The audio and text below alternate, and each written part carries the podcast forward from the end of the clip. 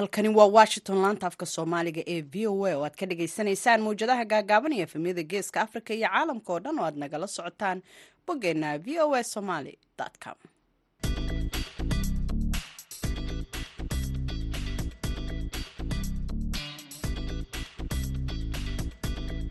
duhur wanaagsan dhegaystayaal waa arbaco bisha februaarina waa laba iyo labaatan sanadka labada kun iyo saddex labaatanka. Afrikada bari saacaddu waxay tilmaamaysaa kowdii iyo barkii duhurnimo idaacadda duhurnimo ee barnaamijka dhallinyarada maanta waxaa idinla socodsiinaya anigoo ah falastiin axmed iimaan.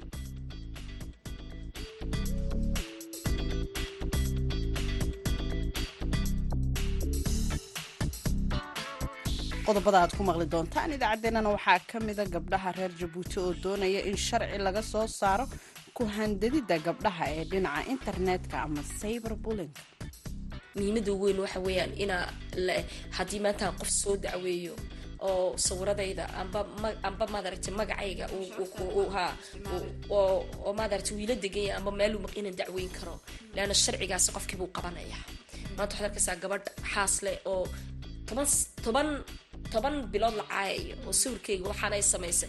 Iyada isma difaaci kar dadkiina iska daa. Maxaad ku samayn kartaa? Waa virtual ma aha dhibaatay kuu keeni kartaa.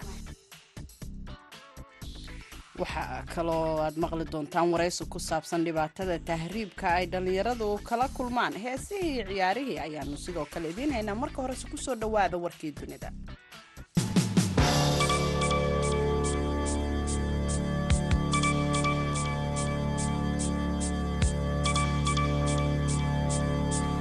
madaxweynaha maraykanka jo biden ayaa arbacadii la kulmay hogaamiyaasha garabka bari ee nato si ay u muujiyaan taageerada amnigooda.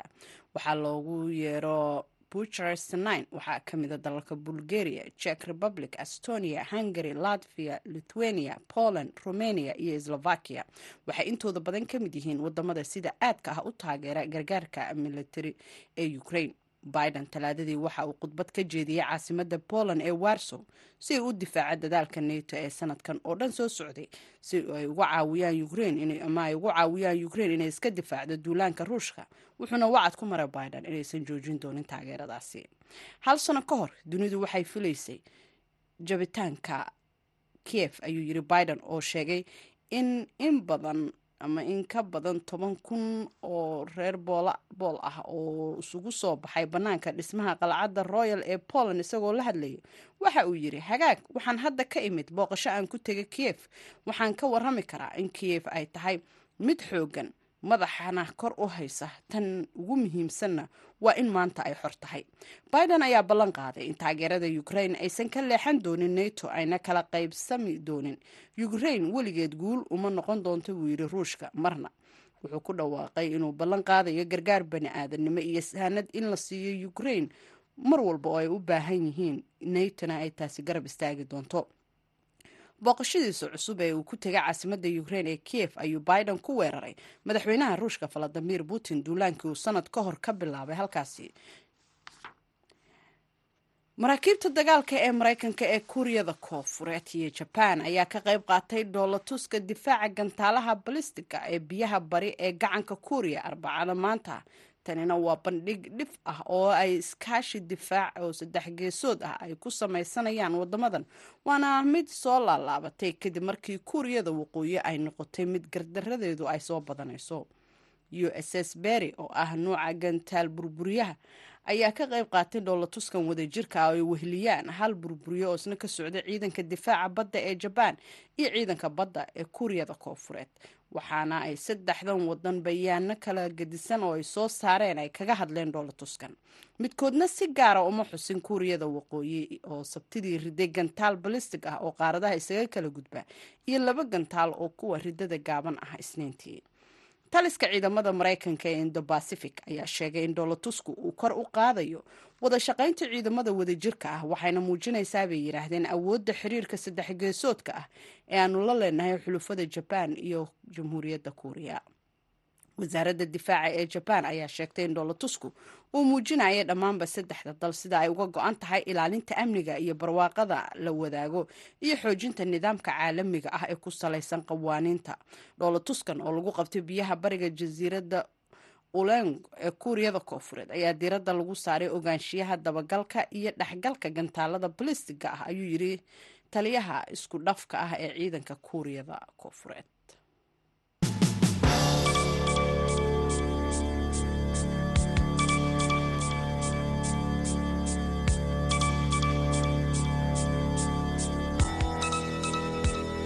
halkaad nagala socotaana waa v o a washington. Ururka hindisa dumar oo ah urur u dhaqdhaqaaqa arrimaha haweenka ee dalka jabuuti ayaa waxa uu wadaa qorshe ay ku taageerayaan in sharci laga soo saaro in haweenka lagu dhibaateeyo baraha bulshada ay helaan difaac. Fahiima maxamed oo ah madaxa ururkaasi ayaa wariyahayaga jabuuti sagal siciid faarax arrimahaasi ay kala sheekaysatay ee dhibaatooyinkan maxaa dhaha internetka lagu haya dumarka. Inaan loo jabuuti ka marino. Oo gabadh jabuuti iyadoo joogto nin la joogo ku dhex aynu sawiradeeda soo dhigi karin. Taasaa nimanka ku dadaala qaada dhibaateynayaa sawiraha gabdhihii laga hayaa waa laga cabsiinayaa. Haddii laga waayana waxbaa laga abuurayaa codod baa laga duubayaa. Waxaasoo dhan waa harassment amba waa qof waa tacdiyaad lagu hayo. Taasaan iminka cyber bullyinga baan wadnaa. Women initiative na saan ku sheeg waa hindisa dumar muhiimada ugu weynna waa dumar dee is urursado oo raba inay dee ay dumarka kale wax ku caawiyaan marka kan sharciga baarlamaanka marka baarlamaanka la kaashanaysa ha iminka horta waxaan la kaashanaynaa wasiir wasaaradda maad aragtay cadaaladda ayaanu la kaas ayaanu la kaashanaynaa. Iyo wasaaradiida la furo numeriga amba waxaan maad aragtay internetka waxaasi. Muhiimada ugu weyn waxa weeyaan inaa haddii maanta qof soo dacweeyo oo sawiradayda amba amba maadaragtay magacayga oo maadaragtay wiila deganya amba meelu inaan dacweyn karo. Leanna sharcigaasi qofkiibuu qabanaya. Maanta waxaad arkaysaa gabadh xaas leh oo toban toban toban bilood la caayayo oo sawirkeela waxaana ay samaysay. Iyada isma difaaci kar dadkiina iska daa. Maxaad ku samayn kartaa? Waa virtual maaha dhibaatay kuu keeni kartaa. Macal qaar kaleba run moodaybayna waxaa ka shaqaystay oo dariiqa kuu joogsan kara. marka ina dumarka la ilaaliyo mar way kula dhalatay. Mar horta way ku dhashay mar way kula dhalatay marna waa taa kuu dhaxday nolosha dhan baad marna waad dhashay. Raggii ma garanayo mas waxaan maqli jiro maska waxaa ugu daran ka dabada iska qaniina wallaahi isku soo noqday isagu. Ilaahay ma garanay ma shaydaankii baa isku macaaneeyey dumarkii dhibaatadoodii unba ilaahay ku soo waxay noqdeen heeryadiisa cunihii la ma oran kare. Wallaahi ha heeryi wallaahi ha. Ilaahay ma oran kare shaydaankii baa isku soo jeediyey dumarkiina iyaguna way qalbi fiican yihiin waxba maadu sabr soo diraaho. Marka xagga wallaahi maanta waxaan ka sheegayaa walaalo sawir aad leedahay dirin. Video aad leedahay dirin. Video laakiin dumarkan qudhooda inay iyagu iska saaraan xaq miyna ahayn inay is ilaaliyaan ogaadaan inay rag waxba samayn karayaan. Laakiin eeg anu lama yaabo gabadh wax jecel dareen badan baa ku jira. Wadee doonto way is aaminaysaa waan ku guursanayaa boor dumarku ciladii baa badatay markay dadkii shaydaankii markay diintii yaraatay markii raggii hore waxbay ka dhiiri jireen waxbay diidi jireen. Ina dumarka waxay oranaya waa bermageydo dumarka iyo ciyaalka iyo islaamaha iyo kuwan iminka waxba ma garanayaan waa ku qabo ku qadimaysid marka ilaahay dadkaa isku soqora laakiin rag badanoo fiican way jiraan maaha wallaahi khasab way jirayaane laakiin waxaa kuwan dee dadka la dadaalaya ha me wallaahi rag badanoo fiican koley way jiraan way jiraan. Laakiin waxaa muquuriyay intii xumayd dumar badan oo fiicanna way jiraan. Laakiin waxaa muquuriyay intaade maanta ad arkay sida tiktok ee meeshaad doontid waxay doonaan ka sameynaya. Sidee marka bulshada bulshada inteeda fiican layskugu xiri karaa oo loo soo saari karaa? Siday kuwan dhibaatada weyna haysata inta fiican ma hadasho. Inta fiican danahoogay ku toosan tahay. Anu mar horena waan sheega waxaan idhay haddii aad ilmahaaga si fiican maanta sagale aad u tarbiyeysid oo laakiin wixii dibadda ku noolaa amba bulshadu la noolaa ay xun tahay. Ilmahaagaasi isna u xumaan. Waayo gurigii markuu ka soo baxo wuxuu la falgelaya iyagii marka haddaad ka fikirtid maaga school private aad geysid dugsi qur'aan aad geysid aad ilaashatid haddii aad bulshadaasi jaarka aad jaarka aad ka fikiri weydo saad ilmahaagaasi ood ilmaha xuneed aragtid ka joojisid oo dadka la talin weydo oo dadka fiicyo ugu yeeri weydo gurigaagu aad ku koobnaatid. Le-ano keligii mar qofkuu tukado uu dadkii wax u sheegi waayo marka iminka inaga taabayna disha. Anuu ciyaalkaygu way fiican yihiin hablahaygu ma baxaan hablahaagu beri maxaa gayaankaygu waa waxaa ciyaala suuqiinta waxaa darooga waxaa naga asawiraya haddii aad bulshada laga gaari waayo dee bulsho waxaan noqonaynaa dee kheer marka bulshadu waa waa waa hal waa jir hal qof oo kale way isku xiran tahay waa jiro hadduu mid xanuunsado inta kale way kula xanuun. Maanta gacantaas hadday ku ololeyso amba ay ku xanuunto qaraac caawa ma seexan karaysid laakiin inagii waxaynu rabaa in idhaahno gacantaas way xuntay intana fiican. Dee jirku ma kala go-o dadkana waa dadkii dadkaad suuqa kula kulmaysay waa dadka masjidka kula tukanaysa waa waa dadkii maaragtay iskuulka aad la tegaysay. Maanta waxyaalaha ana maskaxda gelin baad arkaysaa. Gabadh yar baa iskuul wax lagu sameeyay inamaa wax ku se maxaa keenaya? Waa wa- waxa weeyaan intii fiicnayd ma hadlayso. Dadkii ficnaa ma rabaan balaha bulshada inay soo galaan. Waxay leeyihiin waa balaayo.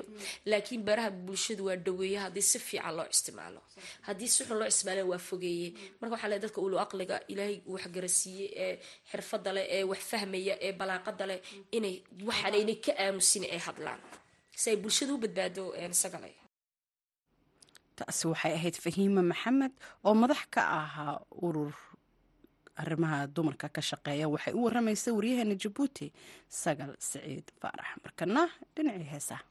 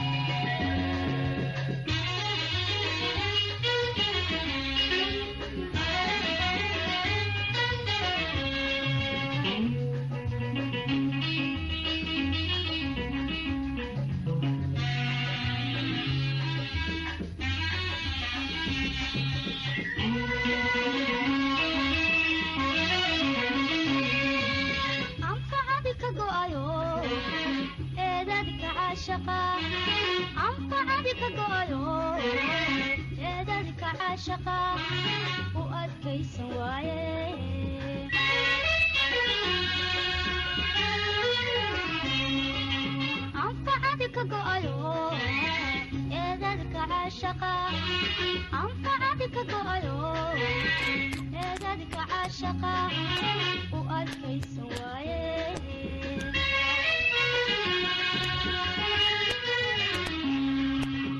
tuu igu italsaday imana turayo aan fariir ka qaade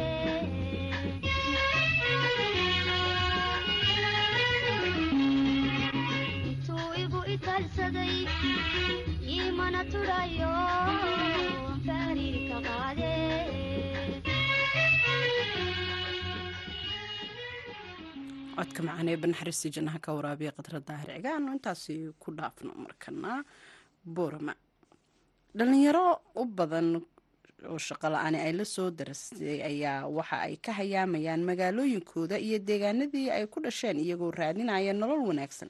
Qaarkood waxa ay ka gudbaan xadka iyaga oo safar halis ah ku mara badda iyo berigaba waxaa jira kuwo markay muddo maqnaadaan dib ugu soo laabtay deegaanadooda si ay nolol uga bilaabaan.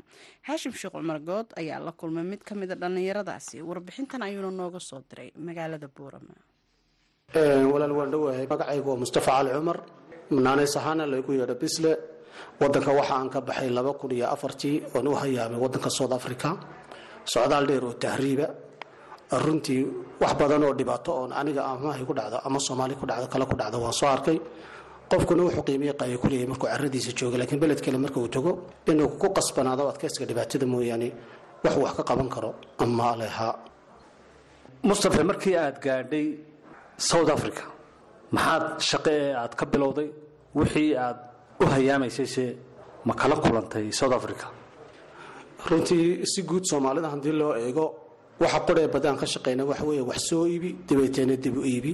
Waayo waxaan nahay ummad geel xoolaleeya aqoonta casriga ee dunideena badi lama wada soconno. Wixaan ka shaqeeyey sidaa daraaddeed wuxuu ahaa ganacsi shaqaalanimo ka bilaabay markii dambena ganacsi aan yeeshay muddadaan meesha joogayna dhibaatooyin badan oo la kulmay way jirtaa. Waxaad la kulmaysay waxaana indhahayga saara dad soomaaliya oo la dilo xabada lagu dhifto waxaana indhahayga saara dad soomaaliya tuurriya ay ku dhacaan. Isku soo wada xooriyo rajadii aan ku xisaabtamaynay ma dhaafin. Intii wadanka lagu hayay un ahayd un quudasho iyo wax maalin la xidhiyo wax la cuno. Dhallinyarada soomaalida ee saadan oo kale ahaa ee south africa tegey shaqooyinka ugu badan ee ay qabtaan maxay yihiin runtii soomaalidu marka loo baxo africa laga soo bilaabo south africa iyo waddamada ka sokeeya boqolkiiba sideetan toddobaatan iyo shan waxa laga shaqeeya waa ganacsi. Ganacsigaasoo inta haddana aqlabka ugu badan ee boqolkiiba intaa toddobaatan iyo shan ama sideetan uba yihiin ganacsi kooban dukaamaysi way jiraan waxoogaa kooban oo wayaaraga oo ama jaamacada fursado u helo oo ka baxa ama xirfado kale meelo ka hele kuwaasi waa aqliyaad ama waa tiro yar marka dadka xoogooga wuxuu badan yahay uun ku tiirsanaanshaha ganacsiga kooban.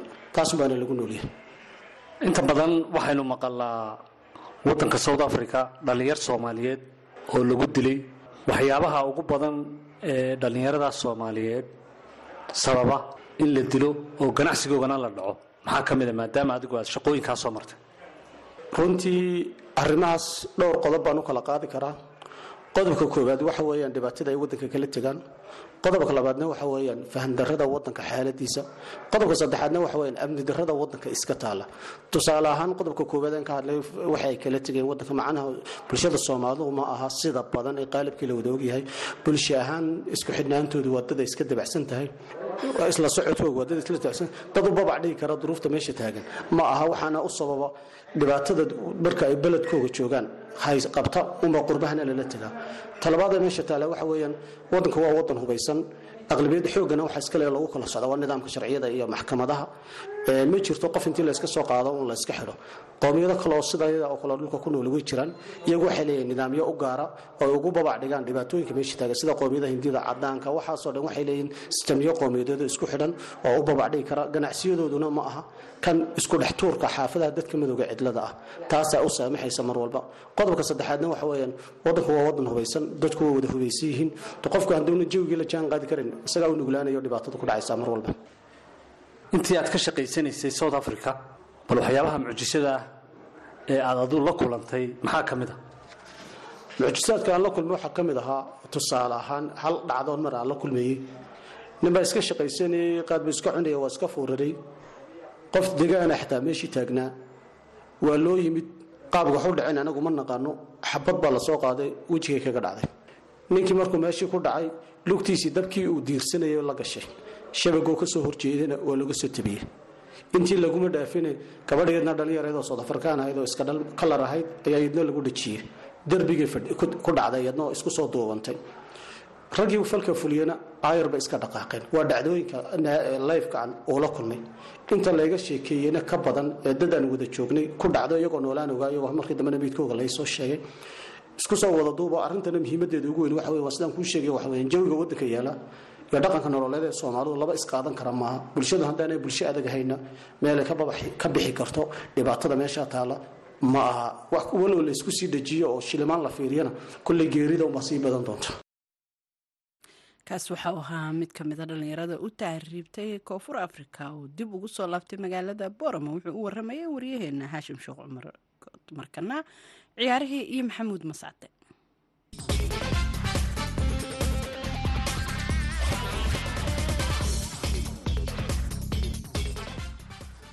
kuna wanaagsan dhegeystayaal dhammaantiinba kuna soo dhawaada xubinta ciyaaraha. Aan ku bilaabay horyaalka kooxaha qaaradda yurub ee champions league.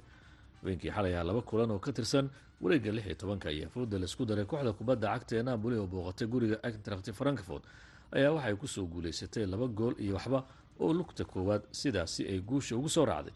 Ciyaaryahan karavatskhalia ayaa rigoore ka khasaariyey kooxda kubadda cagta ee napoli hase ahaatee victor osemen iyo di lorenzo ayaa iyagu labada gool oo kooxda napoli ay ku guuleysatay u seexay. Waxaa xusid mudan kooxda kubadda cagta eintracht frankfurt ciyaaryahan kulamawani calaamada guduudan loo taagay sidaasina kooxdiisu ay koob iyo tobanka ciyaaryahan halkii ay ciyaarta ku dhammaysan lahayd ay toban ciyaaryahan ku dhammaysatay waxaa sugaysa kooxda kubadda cagta eintracht frankfurt lugta labaad inay booqato gegida diego armando maradona oo kooxda kubadda cagta ee napoli ay ku ciyaarto. Waxaa keliya ay ku soo bixi kartaa haddii saddex gool iyo wax ka badan ay ku soo guulaysato uma muuqato kooxda kubadda cagta ee napoli in gurigeeda laga adkaanayo marka la eego sidii ay maalmahan u ciyaaraysa kooxdu horyaalka wadankeeda. In ka badan toban dhibcood ayay ku hogaaminaysaa waxaana haatan ay ka mid tahay napoli kooxaha loo saadaalinayo hanashada horyaalka qaaradda yurub ee champions league.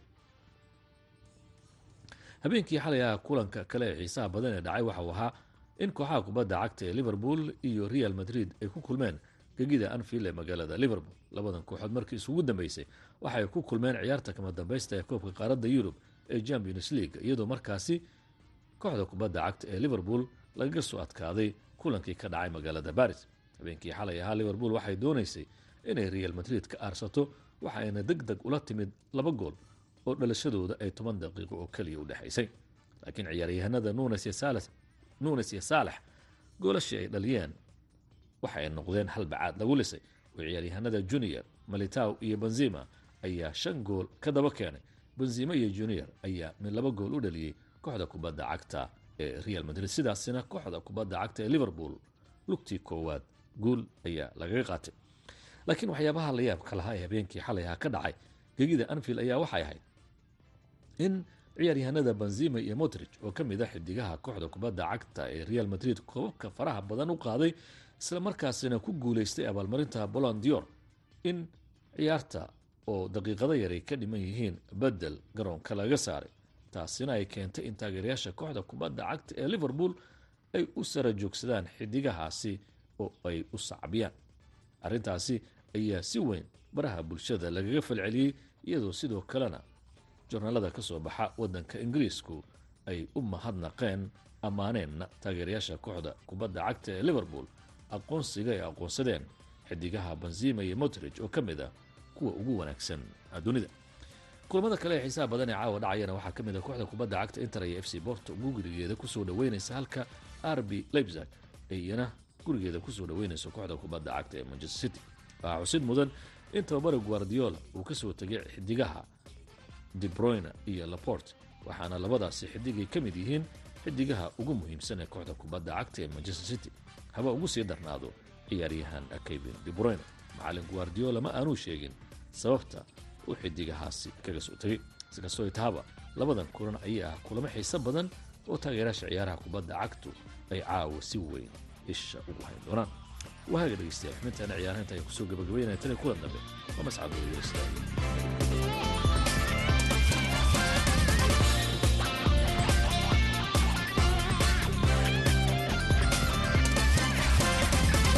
ciyaarihii maxamed mascadaanu intaasi ku dhaafna gabagabada ku sii dhowaanaynaaye markana dhinacii heesaha.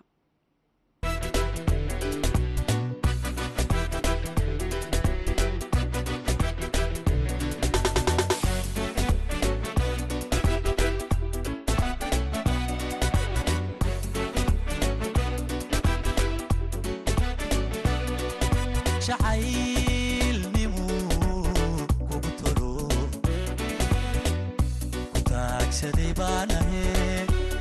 taajsaday baan ahe tageero makaa hela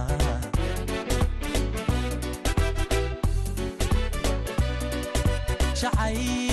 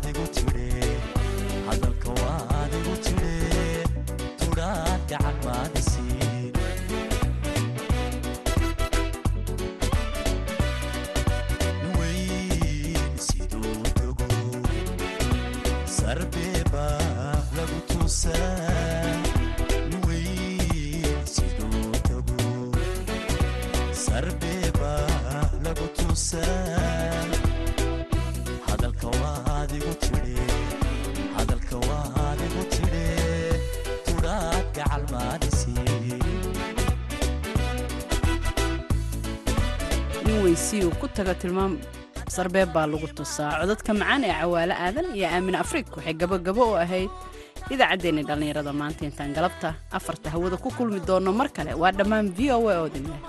Nabadgelyo